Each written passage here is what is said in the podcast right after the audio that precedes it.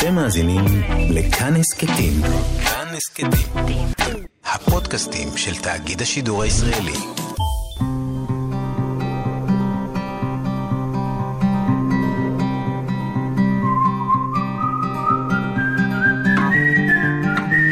אחת פלוס חמש. אורחים וספרים עם ענת שרון בלייס. הוא כאילו לא ספר, הוא, הוא לא הגיע למנוחה אף פעם. הוא איזושהי תרכובת שממשיכה עוד ועוד אה, לפעול. ואנחנו הרבה פעמים אומרים, אנחנו מגיעים לספר, או עכשיו אני כבר שונה, אני קוראת אותו ממקום אחר, אחרי 20 שנה אני מרגישה שהספר הוא שונה. לא שאני השתניתי, אלא שכאילו קרה בו משהו, כאילו ממשיך להתרחש, כאילו כל הגיבורים שם אה, מעולם לא הגיעו לאיזשהו, אה, לאיזשהו סיום. שלום לסופרת שרה שילה. שלום לך. נפגשנו לפני 16 שנים, כשראה אור הרומן שלך שום גמדים לא יבואו, וזכה בפרס ספיר. הרומן שלך, הרב קולי, על המשפחה בעיירה בצפון, שבליל קטיושות כל אחד נמצא במקום אחר, וכל אחד מספר את הסיפור אה, שלו, שלה, חוזרים לעבר, תוך כדי החרדה וההתחבאות מהטילים. ועכשיו, אחרי 16 שנים, יש לך רומן חדש, משפט אהבה, שראה אור אה, בספריית הפועלים, הקיבוץ המאוחד, ואני אתן קרדיט לעורך ליואב רוזן. כל הרומן בעצם, מי שנמצא בלב הדיבור הוא החפצים, האובייקטים בבית. זה מתחיל מהקירות, מהתקרה ולאט לאט לכל מיני חפצים שמספרים את הסיפור של משפחה קטנה, זוג הורים ובת, בת חן, וזה נפתח בזה שההורים יושבים עליה שבעה. כן. ולוקח לנו כמה רגעים להבין אבל שהיא לא מתה, בת חן. זאת אומרת, יש איזושהי טרגדיה, אבל הילדה לא באמת מתה, ובכל זאת הם יושבים עליה שבעה. ההורים באמת יושבים שבעה על uh, דבר שעבד. Uh, אנחנו חושבים תמיד על העניין הסופי של הגוף שלוקח את הנפש איתו, uh, וכך מסתיימים החיים, וכאן משהו הסתיים ויושבים שבעה עליו. זאת אומרת, אבל יש. כן. הילדה חיה, אבל היא לא בקשר איתם. אנחנו שומעים מעט מאוד את האב והאם, הגיבורים. אנחנו שומעים את החפצים מספרים את הסיפור. האמת שאני הקדשתי לפחות אה, שלוש או ארבע שנים רק לבניית העולם הזה של החפצים, אחד-אחד. אה, כאשר הייתי צריכה להיכנס, אה, רציתי גם, כן, אה, לכל, לתוך כל אחד מהם ולהבין אותו מתוכו, ומה מטריד אותו. ונאמר פה ככה, שהם מספרים את סיפור המשפחה, אבל הם קודם כל קשורים לעצמם, למה שמעסיק אותם, את כל אחד מהם, מהוו הכי קטן ועד ה... ומתלה ומראה, וכל אחד מהם יש, יש עולם משלו, כן. ו- ויחס משלו אל האחרים, אל הסובבים. וההיענות אה, לסיפור של המשפחה באה לאט-לאט, כן, זה היה חשוב מאוד. כן, בהתחלה הם עסוקים בעצמם, והדיאלוגים הם בינם לבין עצמם, ולאט-לאט נפרס הסיפור. דורית ועודד ההורים, ואחר כך אה, מה שקרה לביתם בת חן. כדי שתשמעו, שתבינו על מה מדובר, אולי פשוט נתחיל לקרוא קצת. רצפה והתקרה, התקרה המתנשאת, כן? כי היא למעלה, היא מאוד נקייה, וכל הלכלוך הוא על הרצפה, את הרצפה צריך לנקות כל יום. הזזנו את המקרר ואת התנור וניקינו גם מאחוריהם. שפשפנו בכוח ובמרץ גרפנו את המים. כבר לא נסענו מבטים ורק הקשבנו. אלמלא הייתה הרצפה שרועה מולי, אמרה, מן הסתם לא הייתי עסוקה באהובתי נופת. לא הייתה לי ברירה, לא הייתי מעלה בדעתי להתפלש ברפש. אוי, אוי, כל כך לא נעים כל זה, אבל מה אעשה? אני מוכרחה להיזהר שלא ידבק בי משהו מאותה מלוכלכת. רק לרגע הרמנו מהבתים. לראשונה נודע לנו על הרהוריה הנאצלים של התקרה שלנו, איך היא מזמינה אליה את המילים שלה, טוהר, זוך, תום, לובן, צחות. שתמיד מגיעות ברצון מרפרפות, נוגעות לא נוגעות, כמו פרפרי לילה הנאספים סביב המנורה התלויה ממנה. החלפנו מים בדלי, הסמרטוטים נשטפו ונסחטו, שלב הייבוש התחיל. גם אילו אני רצפה, ניסחה התקרה לעצמה, לא הייתי מגיעה למצבה, ומיד נשמעה ממלמלת במהירות שהייתה שמחה אם היו לה הוכחות, כי לא נוח לקח סתם להעיד על עצמה. הייתה רוצה שתהיה זאת קביעה מלומדת, תולדה של תצפיות עקביות, הבנה של טבע הדברים. נו באמת, עניין כל כך חשוב ומהותי היה ראוי למחקר מדעי, נשפה. והרי לא לחינם הגעתי לכהן כמשטח עליון. אז הנה, אתם שומעים מדי פעם את ההורים שאומרים רגע שהם סוחטים סמרטוט שוטפים, אבל מיד את התקרה שמתארת את הבית ואת הפעולות ואת עצמה כמובן. אז איך אה, את מגיעה לרעיון הזה? לספר סיפור דרך קודם כל, ה... הרעיון הגיע, זאת אומרת, כן. זה, זה, זה יותר הייתה שאלה של להתמסר לרעיון שהגיע.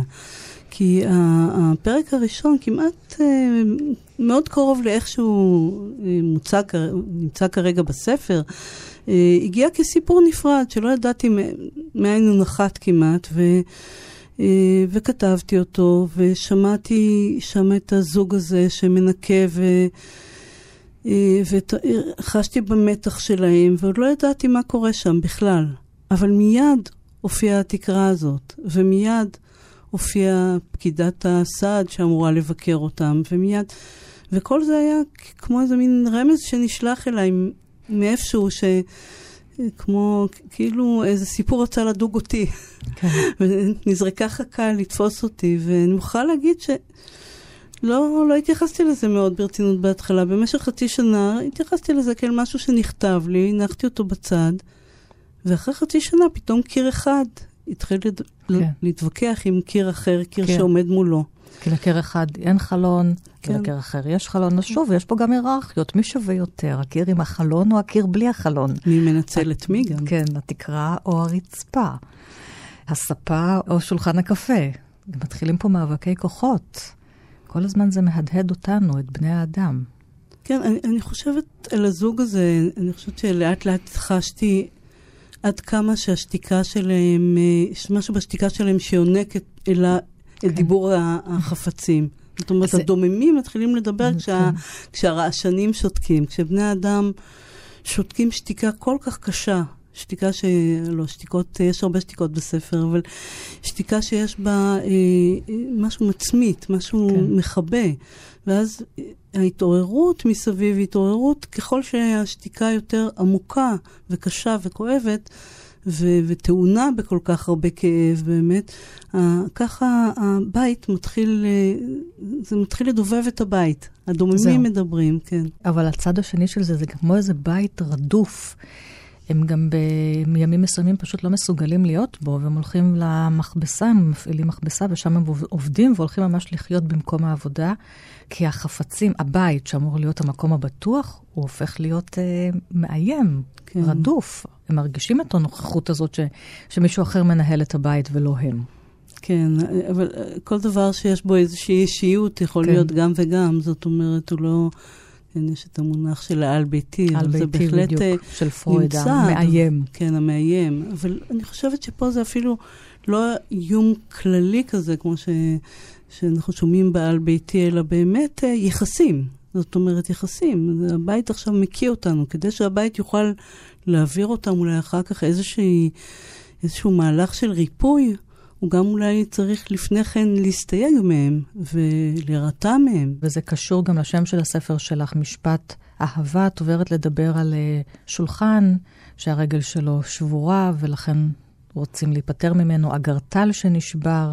שמצד אחד אמור להחזיק יופי, ומצד שני הוא לא מבסוט מעצמו, כי יש בו חור. אמ, קודם כל, לא מוכן אה, לקבל את זה שהוא יתקשח בכלל, ממצב כן. של חומר. כן. זאת אומרת, אה, פה גם, זאת איזושהי מחאה אנושית גם. מדוע אני נקרשתי להיות אישה ולא גבר? מדוע אה, אני נראית כמו שאני נראית ולא נניח גבוהה בעוד חצי מטר או 40 סנטימטר. ממש לא שלי, נכנסת פנימה אל החומר. זאת אומרת, איך, אה, אה, כן, העניין, זאת אומרת, החזרה כל הזמן אחורה אל המצב, מצב לפני היותנו מי שאנחנו, לפני המסוימות. העניין הזה שאני מסוים, שגם סיימו איתי ואני גם מסוים, ומה אני חושבת שמה שהעסיק אותי זה, זה באמת מה, מה אפשרויות התנועה שלנו. מה אפשרויות התנועה שלנו כבני אדם. בתוך המגבלות, בתוך כן. מה שנוצרנו להיות, בתוך המקום שנולדנו אליו, המשפחה שנולדנו אליה וכן הלאה. איפה, איך אנחנו מזהים את אפשרויות התנועה? ואפשרויות התנועה האלה, או הניסיונות לתנועה, הרי הרבה פעמים מאיימים על הסביבה מאוד. וזה קשור בלב של הסיפור. הסוד הזה הלא ברור בהתחלה, ואנחנו לא עושים פה ספוילרים. אפשר לומר, הבת שנעלמה למעשה היא טרנסג'נדרית, היא החליטה להפוך לבן כי התאהבה באקי, בחור שבא לעבוד במכבסה והוא הומו, והיא כל כך נפשה נקשרה בנפשו שהיא החליטה להפוך את עצמה. אה, זה, לבן... זאת לפחות גרסת ההורים. אני חושבת שהגרסה או המחשבה שזה כך, שבגלל איזו התאהבות ואיזו טעות, זאת אומרת, זה המחשבה הטועה שלהם. כן. זאת אומרת, יש עולם שלם שיכול להדהד דברים אחרים ושונים. בסופו של דבר, גם ההורים מבינים שהם טעו. אבל זה חלק מהעניין, שוב, החומר. האם החומר שלי הוא, הוא להיות אישה, האם החומר שלי הוא להיות גבר, ומה הזהות, כן. מה המהות שלי, אם אני גבר או אישה, אם המהות הפנימית נשארת. שואלת שאלות על מה זה הורות, כשפתאום הילד או הילדה שלך אומרים שהם בעצם הופכים למין האחר. אם מת לך הילד או הילדה ונולדים מחדש כילד או ילדה אחרים. כן, אני חושבת שהרבה מאוד אה, הורים לטרנסים, לילדים טרנסים, נערים, מחזיקים אה, ברשותם את הצילומים, נניח אם זה טרנסג'נדרי, טרנסג'נדר, כמו כן. בסיפור. כן. של הילדה בקוקיות ובשמלה, כשהיא הייתה אה, תינוקת, ושכל היחס שלהם, כל ההתכוונות הפנימית שלהם הייתה לבת. וכל המחשבות כלפי העתיד שלה היה כאל אישה. שאת, אה, האם מה שאנחנו רואים בילד, וזה לא מוכרח להיות טרנסג'נדר, האם מה שאנחנו רואים בילד אכן יתפתח להיות? כן. זאת אומרת, אנחנו רואים איזה פוטנציאל וכבר משווים לעצמנו תמונה ברורה. של אה, איך ומה הוא יהיה ומה הוא יהיה ביחס אלינו ו, ועוד ועוד ועוד. ופה יש כבר את ההתקרשות הזאת, כמו זאת שהגרטל אה, לא יכול לשאת. והגרטל נשבר, כמה שזה סמלי. ומה זה השם משפט האהבה? זה קשור באגרטל שרוצים לזרוק אותו, ושבעצם מסמל גם משהו על המשפחה, על בני האדם שבבית. קודם כל, באופן מתנהל פה איזה משפט שהחפצים... יש משפט. זאת אומרת, הם מאוד ערים ליחסי האהבה שמתנהלים ביניהם. ומרגישים גם עד כמה כאשר יש קלקול, או יש איזה משהו, משהו לא מתוקן ביחסי אהבה, זה משפיע על כל האווירה בבית, ולכן יש צורך לטפל בזה. קלקול גם ביחסי אהבה, אבל איזה מכשיר מקולקל, או איזה חפץ מקולקל, אז מה, אז אנחנו חיים איתו ככה, או שאנחנו משליכים אותו, כן. אוהבים אותו, או מפסיקים לאהוב אותו? כן, זאת, זאת השאלה האנושית. כן. שאלה חפצית אה, של החפצים וחלקי הבית היא יותר... באמת, אה, איך אנחנו מקפידים על זה ש, שהאוויר יהיה נקי, האוויר במובן ה... שרוח הבית תישמר אה, צלולה וטובה ומזמינה ואוהבת. אולי נקרא קצת אז עוד משהו על השקט והפסנתר. דממה פלאית שוטפת את הבית. זהו שקט שרק הפסנתר יודע ליצור כדי שישתקפו בו הדיבורים. רק הוא יודע כיצד להפוך את הצלילים לצורות, ואת ההקשבה לסוג חדש של ראייה. וכולם, ללא יוצא מן הכלל, מכבדים בשתיקה את מה שהוא יוצר בשבילם. לרגעים ספורים יוכלו לחזות בקולות, להביט בהם כאילו עלו והתגשמו מולם. בתוך שיחה רוויית מחלוקות, שהבית מועד לה בדרך כלל, מתנחלת כעת הסכמה עמוקה, ללא ויתור או כניעה של אחד מהצדדים. דבריו של הפסנתר מונחים סביב אגם של שקט, והם יכולים לבחור אם להביט בדברים עצמם, או בהשתקפותם המהופכת, מבלי להסתכן בהתלקחות של ויכוח. עכשיו יודעים כולם איפה הם, על סף ההשתנות. יום גדול ונורא בא לקראתם. קיומו הנהדר של אדם עשוי לשוב אליהם, בת בית שאיננה איתם. האם יגלו בסופו שמעולם לא התקיימה? זאת בת חן. תשמעי, את מתארת את זה, זה נשמע כמו יום הכיפורים שלנו. יום גדול ונורא. אה, כן, שקט. יש מתח גדול ויש יראה, וכן, יש איזה... אה, הטקסים, כן, כן טקסים, אה, כמו זה, הם נושאים איתם את כל ההוד והיראה והחשש, אבל גם התקווה הכי גדולה, התקווה שבאמת יכול להתחולל שינוי בדרגה אחרת, לא שינוי של אני קונה מכונית אחרת. אה, או שינוי אה, של אני רילוקיישן, אני נוסע מפה לשם, אני, אלא שינוי, שינוי במהות, במקום מהותי יותר. במקום אחר את כותבת, אסור לנו להכיל באופן אוטומטי על בני האדם את מה שאנחנו יודעים על עצמנו. שום הבדל אני לא רואה בינם לבינינו, זאת אומרת, יש פה ויכוח. שום הבדל אני לא רואה בינם לבינינו, אומר המתלה. אותו סבל, אותן הנאות. למה להציב לעצמנו גבולות מיותרים? מה שחשוב הוא מי בבית ומי בחוץ. מתלה של המעילים, סובל, כן. מניחים עליו דברים ומכסים אותו. את מתייחסת אליהם עכשיו אחרת בבית שלך, אחרי הספר הזה? אני חושבת שתמיד... אה, כשאת באה אל המתלה לתלות עליו תיק או מעיל. אני חושבת שהגישה שלי לחפצים, אה, אה, היו שנים שעסקתי בתיאטרון בובות, ותמיד נמשכתי לתיאטרון חפצים. בתוך תיאטרון ובובות, שזה ככה, יש הרבה מאוד אפשרויות, תיאטרון החפצים הכי משך אותי. יש משהו בדוממים הלא דוממים האלה. הרי לאנשים יש יחסים... מאוד אה, מסועפים, עם, לפעמים עם איזה שעון שהגיע מהסבתא, או כן, נכון. יש, אדם לא, מרגיש שהוא לא יכול אה, אה, להשליך אה, איזשהו חפץ בלי שיש לו איזה מטען של זיכרונות, וכאילו משהו נוצר שם, בכל אופן.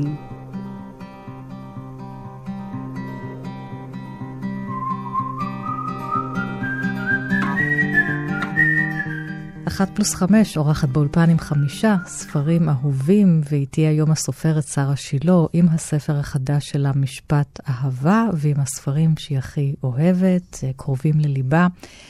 ודיברת איתי על ההצלחה הפתאומית, הכבירה הזאת של שום גמדים לא יבואו, ובראשם פרס ספיר. ואז אמרת, החלטתי לעצור, לעשות סטופ, ולחזור אל הבסיס. לקרוא ולכתוב מחדש. לא הסתערתי על הספר הבא, או אם הסתערתי, ראיתי שההסתערות אינה נכונה. אין הרבה יוצרים, כמעט ואין יוצרים ש... שאת יודעת, שנוהגים כמוך יאמרו את מה שאמרת. חזרתי לכיתת הלימוד. כן. תראה, קודם כל, ביושר אני אומרת, אני מעולם לא למדתי באופן פורמלי. זאת אומרת, אני אמנם היום מלמדת באוניברסיטת חיפה, אבל אה, הייתה לי הפרעת קשב מאוד קשה. גם היום קריאה היא לא מובנת מבחינתי, במובן הפשוט של אדם ששוקע בקריאה. אני, כן, יש איזה מאבק שמתחולל כדי שהריכוז אה, יעבוד ואני יכולה לקרוא. אה, אבל אה, מעבר לזה, אני חושבת, אף פעם לא תפסתי את עצמי כסופרת, במובן שזאת האפשרות היחידה שלי להתבטא בעולם. ולכן, כשראיתי שבאמת ניסיתי, ושזה, הניסיונות אה, לא הובילו אותי אז, אה, קדימה, חשבתי שהדבר הנכון הוא להתחיל לקרוא שוב, ולקרוא הרבה. ואני יכולה להגיד שגם ככה בהקשר לשיחה של שתינו כאן, הספרים ש, שקראתי לפני שום גמדים לא יבואו, שהיו ככה טוני מוריסון, שהיו קשורים בעניין הזה של ה... האפרו-אמריקאים, כן. היחס של זה. אה, הקולות של ה... עוד, עוד כל, כל... קולות של פריפריה, כן. נשים מוחלשות. של דיכוי. כן, של דיכוי. של, אה, כן, ואיך לכתוב את זה, ואני חושבת שקיבלתי הרבה מאוד אומץ וכיוון מטוני מוריסון, במיוחד מחמדת. כן. למרות שאני מאוד אוהבת גם את סולה, זה, ש... זה ספר שאני מאוד מאוד אוהבת, אבל... וגם את האחרים. עוד בית רדוף, כמו הבית שלך נכון. פה במשפט אהבה. אני חושבת שאני הרגשתי שבאיזשהו מקום היא מצליחה לעשות... אה, באמת לחבר, לכתוב אומנם אה, בתוך המערב, אה, אבל היא מצליחה לחבר איזשהו משהו אחר נוסף. ולקראת הספר הזה, כל הקריאה שלי השתנתה לגמרי. זאת אומרת, התחלתי לקרוא ספרים שבאמת הצורה בהם הייתה המרכז, שנראו לי כמו כבישים כאלה. הצורה, הלשון. הצורה, הלשון. לא רק הסיפור, כן. כן, אבל בעיקר הצורה, ממש צורה. יש בה חמישה ספרים שאת כתבת לי אתמול, אחרי התקוטטות גדולה.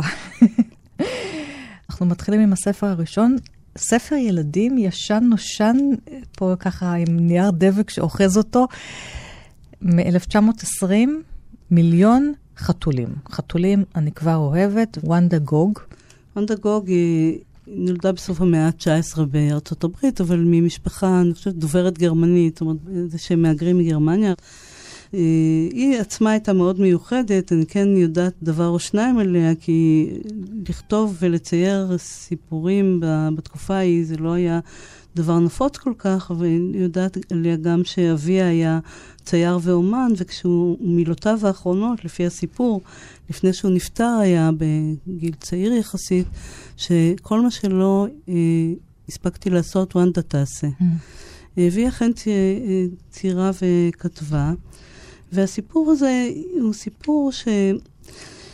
מאוד פשוט, כן? זה סיפור מעשה על אה, זקן וזקנה שהם בודדים, יש להם בית מאוד נחמד, אבל הם מרגישים בדידות. אולי נקרא קטע. מי שתרגמה נפלא זאת חיה שנהב. גברת מצפתל.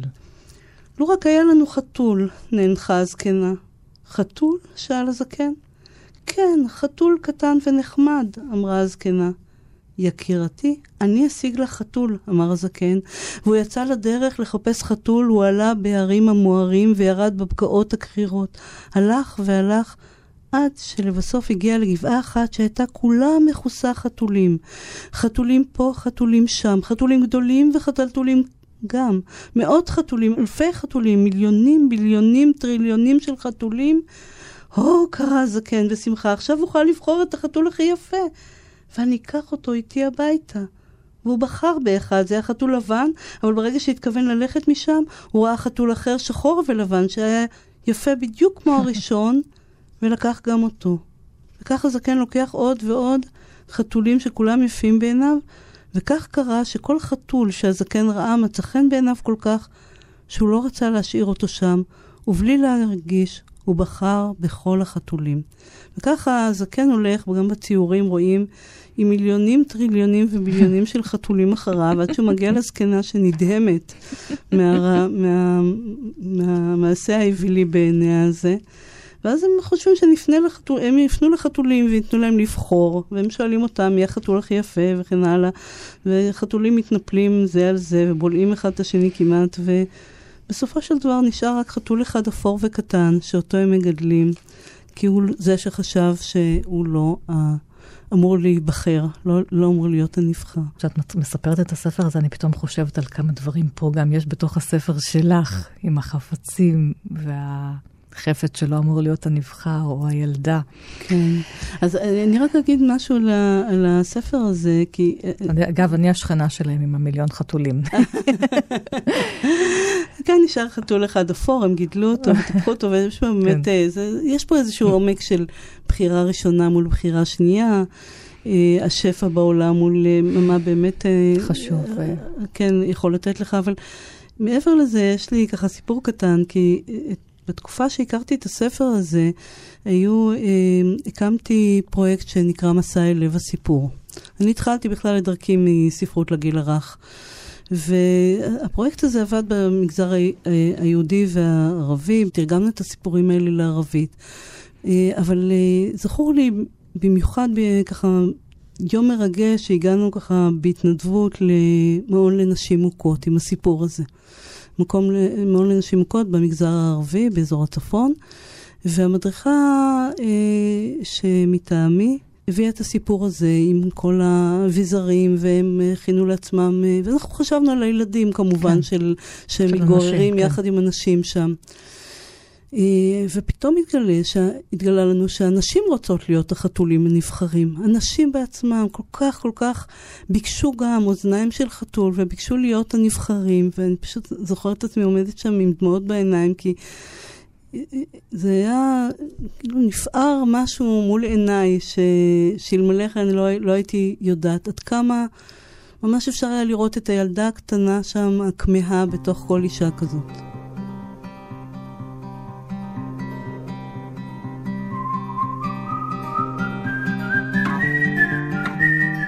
ונלך עכשיו לספר של איטלו קלווינו, מר פלומר, רומן פילוסופי שלו מ-1983, שאנחנו חווים את העולם, אנחנו תמיד חווים את העולם דרך הגיבורים של הרומנים, אבל הפעם דרך המבט שלו בצורה מאוד מאוד אה, אובססיבית. זה מתחיל בניסיון שלו לתאר גל, וזה נורא קשה לתאר גל, כי הגלים הם כרוכים אחד בשני, אין גל אחד.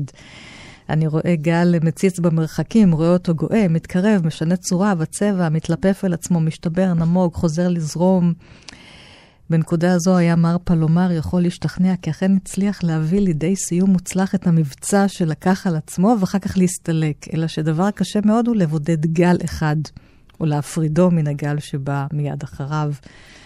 אה, הוא מנסה, מנסה, וכמו הספרים שלך, העיסוק הזה בלתאר את העולם, להבין את העולם דרך האובייקטים מסביב, אם זה אובייקטים חיים, אם זה אובייקטים דוממים, זה לב הספר המקסים הזה. אני חושבת שתיארת את זה מאוד יפה, ובאמת, הפרק השני, שמיד אחריו, מתאר את החזה החשוף, ככה זה נקרא. והוא, של אישה. חזה חשוף של אישה על חוף הים, על כן. אותו ים. אה, שמר פלומר מנסה לראות מה הדרך הנכונה להביט, האם דרך אגבית, האם דווקא לנעוץ מבטים, האם לזכור אותה, מה יהיה יותר מכובד. להציץ או אה, להתייצב מול האישה עם החזה החשוף? איך יהיה כן. נכון, כן. עכשיו, אה, כמובן, זה מלא הרבה מאוד חיוך. זאת אומרת, מצד אחד יש פה כתיבה שנשמעת כמעט נוקשה, ב, כן, זה מין משהו מחקרי כביכול, או מדעי, אה, וצורה מאוד מוקפדת. ומהצד השני, זה פור, ככה מתפרץ החוצה מהמון חורים, זה לא, זה לא אפשרי. ואנחנו רואים ככה, כמו כישלון בלתאר גל אחד, שהוא לוקח על עצמו באמת משימות בלתי אפשריות. והכישלון הוא חלק מחדוות הכתיבה. זאת כן. אומרת, ואני חושבת שיש בדבר הזה משהו מאוד, מאוד יפה. להגיע עד ל, ל, לקצה ולפרדוקס הזה באמת עשיתי קצת עם החפצים. זאת אומרת, ככה, לראות איפה, איפה לחתור אל לב הפרדוקס. אז uh, אני חושבת שההומור נמצא, לא דיברנו על הומור, אבל יש לך המון המון הומור בספר כן, שלך, עם החפצים. באמת, אה, קלווינו, יש איכשהו, באמת יש תחושה שבסוף נוספה עוד עין, שאנחנו שקורא יכול לקבל עוד, אה, עוד דרך להתבונן בעולם. אחד המקומות שבהם, לדעתי או להרגשתי, הוא, כל המבנה קורס, כי לפעמים זה קורה לו, שפתאום נכנס שם סיפור מעשייה שבכלל כבר לא מחזיקה בהתבוננות המאוד מדוקדקת, אלא עולה ועולה, למרות שגם זאת הייתה כוונתו, להגיע מהחומר אל הרוח. וגם זה משהו שאני אימצתי, אה, ניסיתי לאמץ, זה נעל הבית שאין לה בת זוג. במסע שערך באחת מארצות המזרח, קנה מר פלומר בבזאר זוג נעלי בית. כשחזר הביתה ניסה לנעול אותן, וראה נעל בית אחת רחבה מן השנייה ונופלת מן הרגל. הוא נזכר במוכר הזקן שישב על הקיבה באחת מגובחות הבשר, כשלפניו ערימת נעלי בית בכל המידות בערבוביה. ראה את הזקן מחטט בערימה כדי למצוא נעל בית מתאימה לרגלו, מודד לו אותה, ושב לחטט ומוסר לו את בת זוגה המשוערת, שמר פלומר מקבל מידי זקן מבלי למדוד. אולי ברגע זה, חושב מר פלומר, מהלך באותה ארץ איש אחד אחר, שלרגליו שתי נעלי בית שאינן תואמות זו את זו. והוא רואה צל דקיק, צועד במדבר בצליעה, ונעל אחת נושרת מרגלו עם כל צעד. או אולי צרה מדי וקולט בתוכה את הרגל המעוותת. אולי גם אותו איש חושב ברגע זה עליי, ומקווה לפגוש אותי כדי לבצע את החילופין. היחס הקושר אותנו זה לזה הוא מוחשי וברור יותר מרוב היחסים הנרקמים בין בני אנוש. ובכל זאת, לא ניפגש לעולם. גומר עומר להמשיך לנעול את נעלי הבית הבלתי תואמות הללו, לאות סולידריות עם חברו האלמוני לצרה, כדי לקיים את יחסי ההשלמה הנדירים כל כך, ואת ההשתקפות הזאת של צעדים צולעים מיבשת אחת לאחרת. כשאני שומעת אותך מדברת על הספר, אני פתאום חושבת שאפשר להשתמש בו גם בתרגילי כתיבה. הנה, איטלו קלווינו כותב ככה על נעל הבית, עכשיו תסתכלו אתם על נעל הבית שלכם ותכתבו את הסיפור אה, שלכם. תרגילים בהתבוננות וגם בהקשבה. כן, בהחלט. אני חושבת שכן. אה, יש אה, אולי... אז פגשת אותו בשנים האלה שלך, שהלכת, אני, כן, אני... טמנת כן. את עצמך בתוך הספרים? כן, כן. ערים הספריות מנין גם ספר מקסים שלו. כן, וגם יש לו ספר שהשפיע עליי גם, שנקרא שיעורים אמריקאים. שש הצעות לאלף הבא. עד כמה שידוע לי, קלווינו עצמו הכין, אבל לא הספיק להרצות, הוא נפטר במהלך כתיבת ההרצאה האחרונה הזאת. יש שם באמת מובאות מכל כך הרבה ספרים, הוא היה בעל ידע רחב בהמון תחומים. פשוט אה, מומלץ. אני שמעתי על הספר מסמי ברדוגו, הסופר סמי ברדוגו, כן. והודיתי לו. הוא גם סופר שבכל אחד מן הספרים שלו מחפש את הצורה איך לכתוב, איך לכתוב כל פעם מחדש את הסיפור. אחת פלוס חמש, אורחים וספרים עם ענת שרון בלייס. אחת פלוס חמש, אורחת באולפן עם חמישה ספרים אהובים, ואיתי היום הסופרת שרה שילה, עם הספר החדש שלה, משפט אהבה, ועם הספרים שהיא הכי אוהבת, אה, קרובים לליבה. את כבר אוחזת בגרוסמן, עיין ערך אהבה.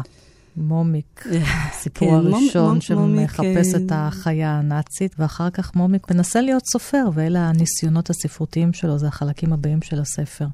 ניסיונות ספרותיים סוריאליסטיים, כן, שעוסקים ו... כולם בשואה. עוסקים כולם בשואה, ובסיום אה, יש אה, חלק של האנציקלופדיה של חיי קזיק. תינוק בן, שחי 24 שעות. חי 24 שעות, אבל מהלך שלם של חיים של אדם. כן. האמת שכבר בספר הקודם, המוטו של שום גמדים לא יבואו לקוח מהאנציקלופדיה הזאת, זה המשפט שפשוט הוציא ממני צעקה ככה בחדר העבודה, והתאים לי לתחושה הבסיסית של הכאב סביב הגיבורים שכתבתי, uh, מתוך הערך לידה. אה, אבל הקשר עם הספר, הספר הזה, זאת אומרת, מהרגע שבחרתי אותו ועד עכשיו לא החלטתי מה לקרוא. כי באמת אה, מאוד מאוד קשה להחליט. הוא, הוא כל כך עולה על גדותיו. אין, אין בו רגע, מקום אחד שאני נכנסת שאני רוצה להסתפק רק בו, או מסוגלת להסתפק רק בו. אני חושבת שהייחוד שלו הוא, מבחינתי, בתחושה הפנימית של קורא. הוא כאילו לא ספר, הוא, הוא לא הגיע למנוחה אף פעם. הוא, הוא איזושהי תרכובת שממשיכה עוד ועוד uh, לפעול. ואנחנו הרבה פעמים אומרים, אנחנו מגיעים לספר, או עכשיו אני כבר שונה, אני קורא, קוראת אותו ממקום אחר, אחרי 20 שנה אני מרגישה שהספר הוא שונה. לא שאני השתניתי, אלא שכאילו קרה בו משהו, כאילו ממשיך להתרחש, כאילו כל הגיבורים שם אה, מעולם לא הגיעו לאיזשהו, אה, לאיזשהו סיום. ו... אני בחרתי ללמד uh, באוניברסיטה סמינר על היצירה של גרוסמן, והקדשנו חודש או חודש וחצי לעיין ערך אהבה. ובזמן הסיכום הסטודנטים אמרו, uh, בפעם הבאה ניקח את עיין ערך אהבה ונלמד אותו שנה שלמה, כי ראוי להקדיש לו שנה שלמה.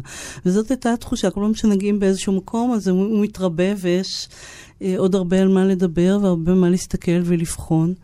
לדוגמה, התבוננו ב... בנגל הקצין, ה, כן, האס-אס אה, במחנה. בסיפור ש... של אימן של וסרמן. של אה. וסרמן, בחלק של וסרמן. וראינו איך לאט לאט כשאנשל וסרמן, הסבא, הסבא של אה, שלומיק, מומיק, אה, מספר לו את הסיפור שהוא ביקש, כן, הגרמני ביקש שיספר לו, איך, אה, איך הוא הופך להיות אנושי, מעט, בתווים קטנים, ופשוט ממש... הכנו איזושהי מין טבלה כזאת, של מה זה אומר הזה. על האנושיות, כן? הקצין האכזרי, שהוא הק... שומע סיפור. כן, מה, מה, כן, בכלל אני חושבת שזה ספר על כוחו של סיפור. כן. ו- ועל כתיבה, ועל עוד הרבה מאוד דברים מעבר ל- אה, לשואה, וכמובן על כתיבת שואה. אה, מה זה הדבר הזה של לכתוב שואה? איך אפשר לכתוב שואה? יש כאן הרבה דברים שהתחברו אליי באופן שאני, שהם חלק ממני כבר. אז מה בכל זאת תבחרי מתוך הספר הזה שכל כך קשה לבחור, וכל חלק שלו כתוב אה, אחרת? עיין ערך אהבה.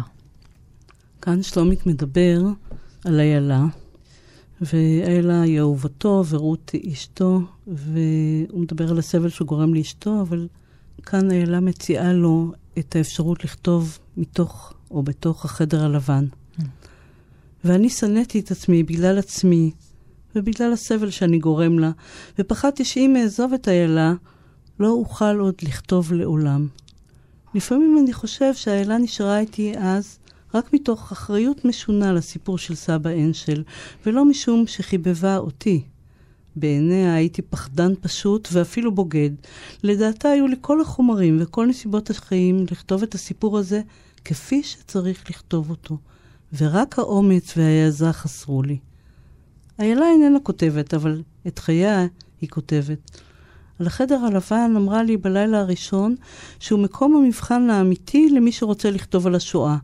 כמו הספינקס ששואל את החידה.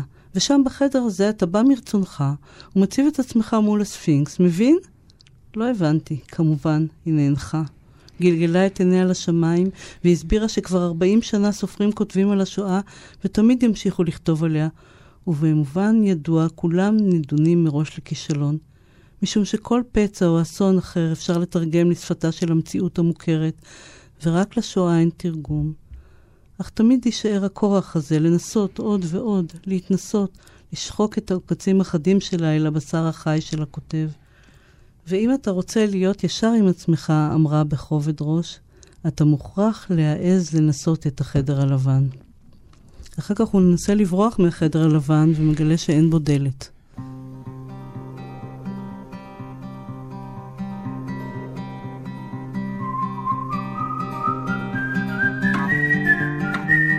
שרה שילה, כאן איתי באולפן עם הספרים שהיא הכי אוהבת, ואנחנו נעשה הפסקת שירה.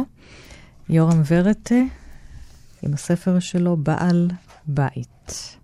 אה, אני אגיד ככה, קודם כל, יורק הוא עבורי גם מורה. אני לומדת אה, הרבה מאוד שנים איתו, אה, קריאה בזוהר, קריאה בכלל. יש משהו בשירה שלו, מעבר לזה שלמדתי, או ניסיתי לפחות ללמוד ממנו את העניין הזה של דיוק, של לוותר או על, ה, על ייפוי הדברים.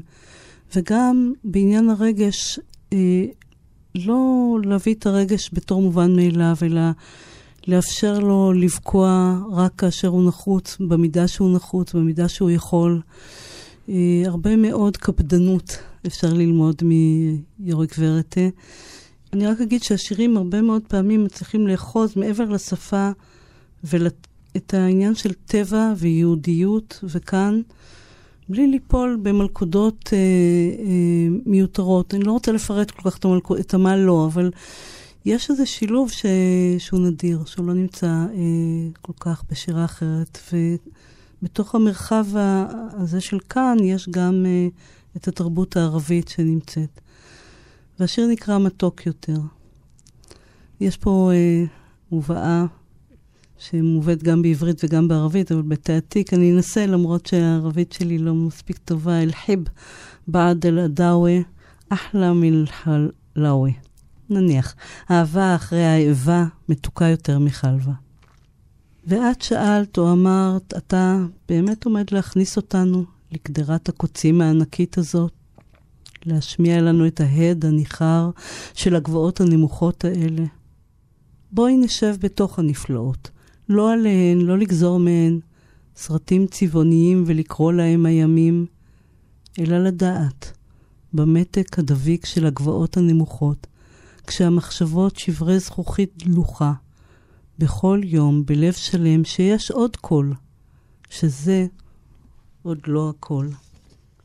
בואי עכשיו, כשהשמש עומדת לאחוז בקוצים, ושני עורבים עומדים להתרומם מן השדה החרוש, כמו מיטה מוצעת. בואי תשמעי איך אני אומר כמו השכנים, אחרי שנות האיבה המסודרת, מתוך חמימות ההריסות, כמה מתוקה האהבה. בערבית זה מפתה יותר, אבל גם כך לומר זאת, מאוד נעים, בואי. שלך משכבר הימים. שיר שהופך למכתב. כן, יש פתאום איזה מין כן. הפלגה כזאת למרחקים, ומסתבר שאולי יש פה מרחק שמצדיק את הבוי הזה, שאולי זאת אחת המילים בעיניי הכי מרגשות והכי רומנטיות אולי, אבל uh, באופן הזה שזה נמצא פה, ההפצרה הזאת של הבוי, בוי, ובסוף שלך, ואנחנו רואים מרחק של שנים ושל, ושל גיאוגרפיה שפתאום נפרס, ו... והעצב מגיע בלי שלחצו על איזושהי אה, בלוטת דמעות. מחלחל אה, לאט-לאט, לא מתנפל עליך. כן. ועוד אחת כזאת שיודעת איך לעשות את זה בצורה מופלאה, נטליה גינצבורג, הסופרת האיטלקייה, שאיתה אנחנו נחתום את הבחירות שלך.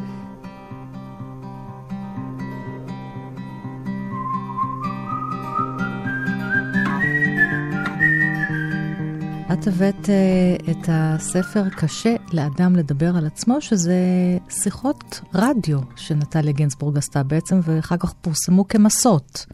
שהיא דיברה על כל מיני עניינים אומנותיים, אישיים, פוליטיים, משפחתיים. כן.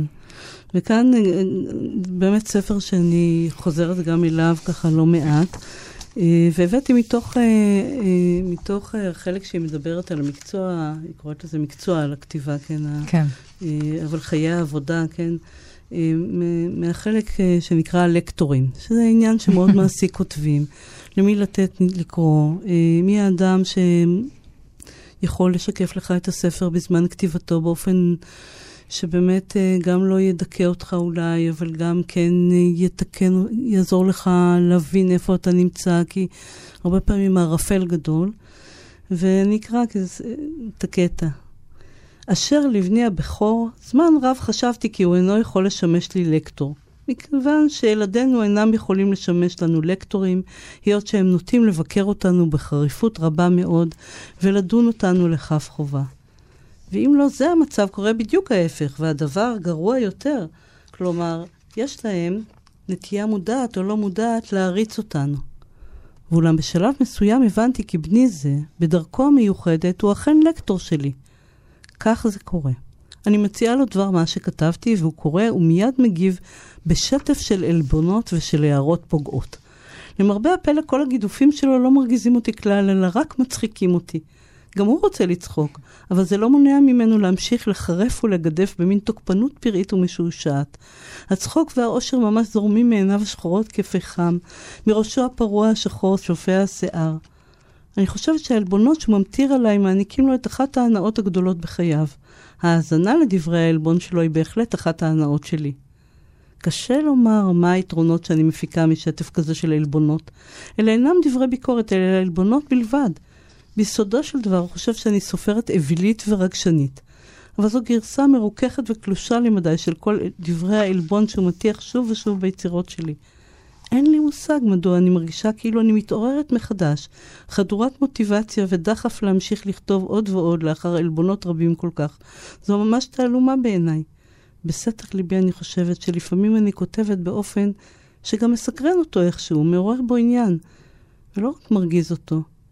הוא לא בז לי, אין כל בוז בדברי העלבון שלו. יש לך חמישה ילדים. נכון. כן, הם קוראים, הם קוראים בכתב יד את ה... מי יותר ומי פחות, ככה לפי... את יודעת שזה לא קורה אצל שלהם. כל הסופרים. יש סופרים, סופרות שאני מכירה, שדיברתי עם הילדים שלהם, הם לא קוראים. כן. אפילו בכוונה, את מה שההורים שלהם כתבו. אפילו בגילאים מאוחרים הם לא קוראים. ואצלך הם קוראים אפילו את כתב היד. אה, כן, חלק אה, ממש נמצאים איתי בשיחות ערות אה, במהלך הכתיבה ומפרשים לי, וגם לפעמים מזהים מתי לא, מתי לא נכון, אבל בדרך כלל זו תמיכה בלתי רגילה, ככה, וגם... איזה דבר שקורה בתוך הבית. אתם כבר מחוץ לבית, הילדים, כן. יש לי כבר נכדים, שחלקם גדולים. אבל אבל הילדים הם שותפים, ויש משהו, גם בקטע שקראתי, שמדוע היא לא נעלבת מהבן כן. שלה. כי יש שם כל כך הרבה אהבה בתוך זה. אנחנו חוזרים לאהבה, בלי משפט. יש כל כך הרבה אהבה, ו... ובתוך המקום הזה משהו בה מתעורר. כי אולי הוא עושה את הדבר הנכון, שלפעמים צריך שמישהו יתקע איזה סיכה בבלון, ופשוט יוציא את כל האוויר. אז אם כבר דיברת על נטליה גינצבורג, אימא, לא רק הסופרת, אז בואי נחתום גם פה. הפעם אם כן עם הקול של האימא של uh, דורית, בסוף הספר, פרק ששמו בשר, והיא חוזרת חזרה ללידה של הבת שלה, אותה בת שהפכה לבן. גוף עבר בתוך הגוף שלי, אבל זה לא היה אפילו גוף. בשביל להגיד גוף, צריך את המילה של זה. ושם לא היו לי מילים. אני אפילו לא יודעת אם העיניים שלי היו פקוחות או עצומות. עודד עמד לצידי והחזיק לי בכוח יד ורגל כי רציתי לקום מהמיטה.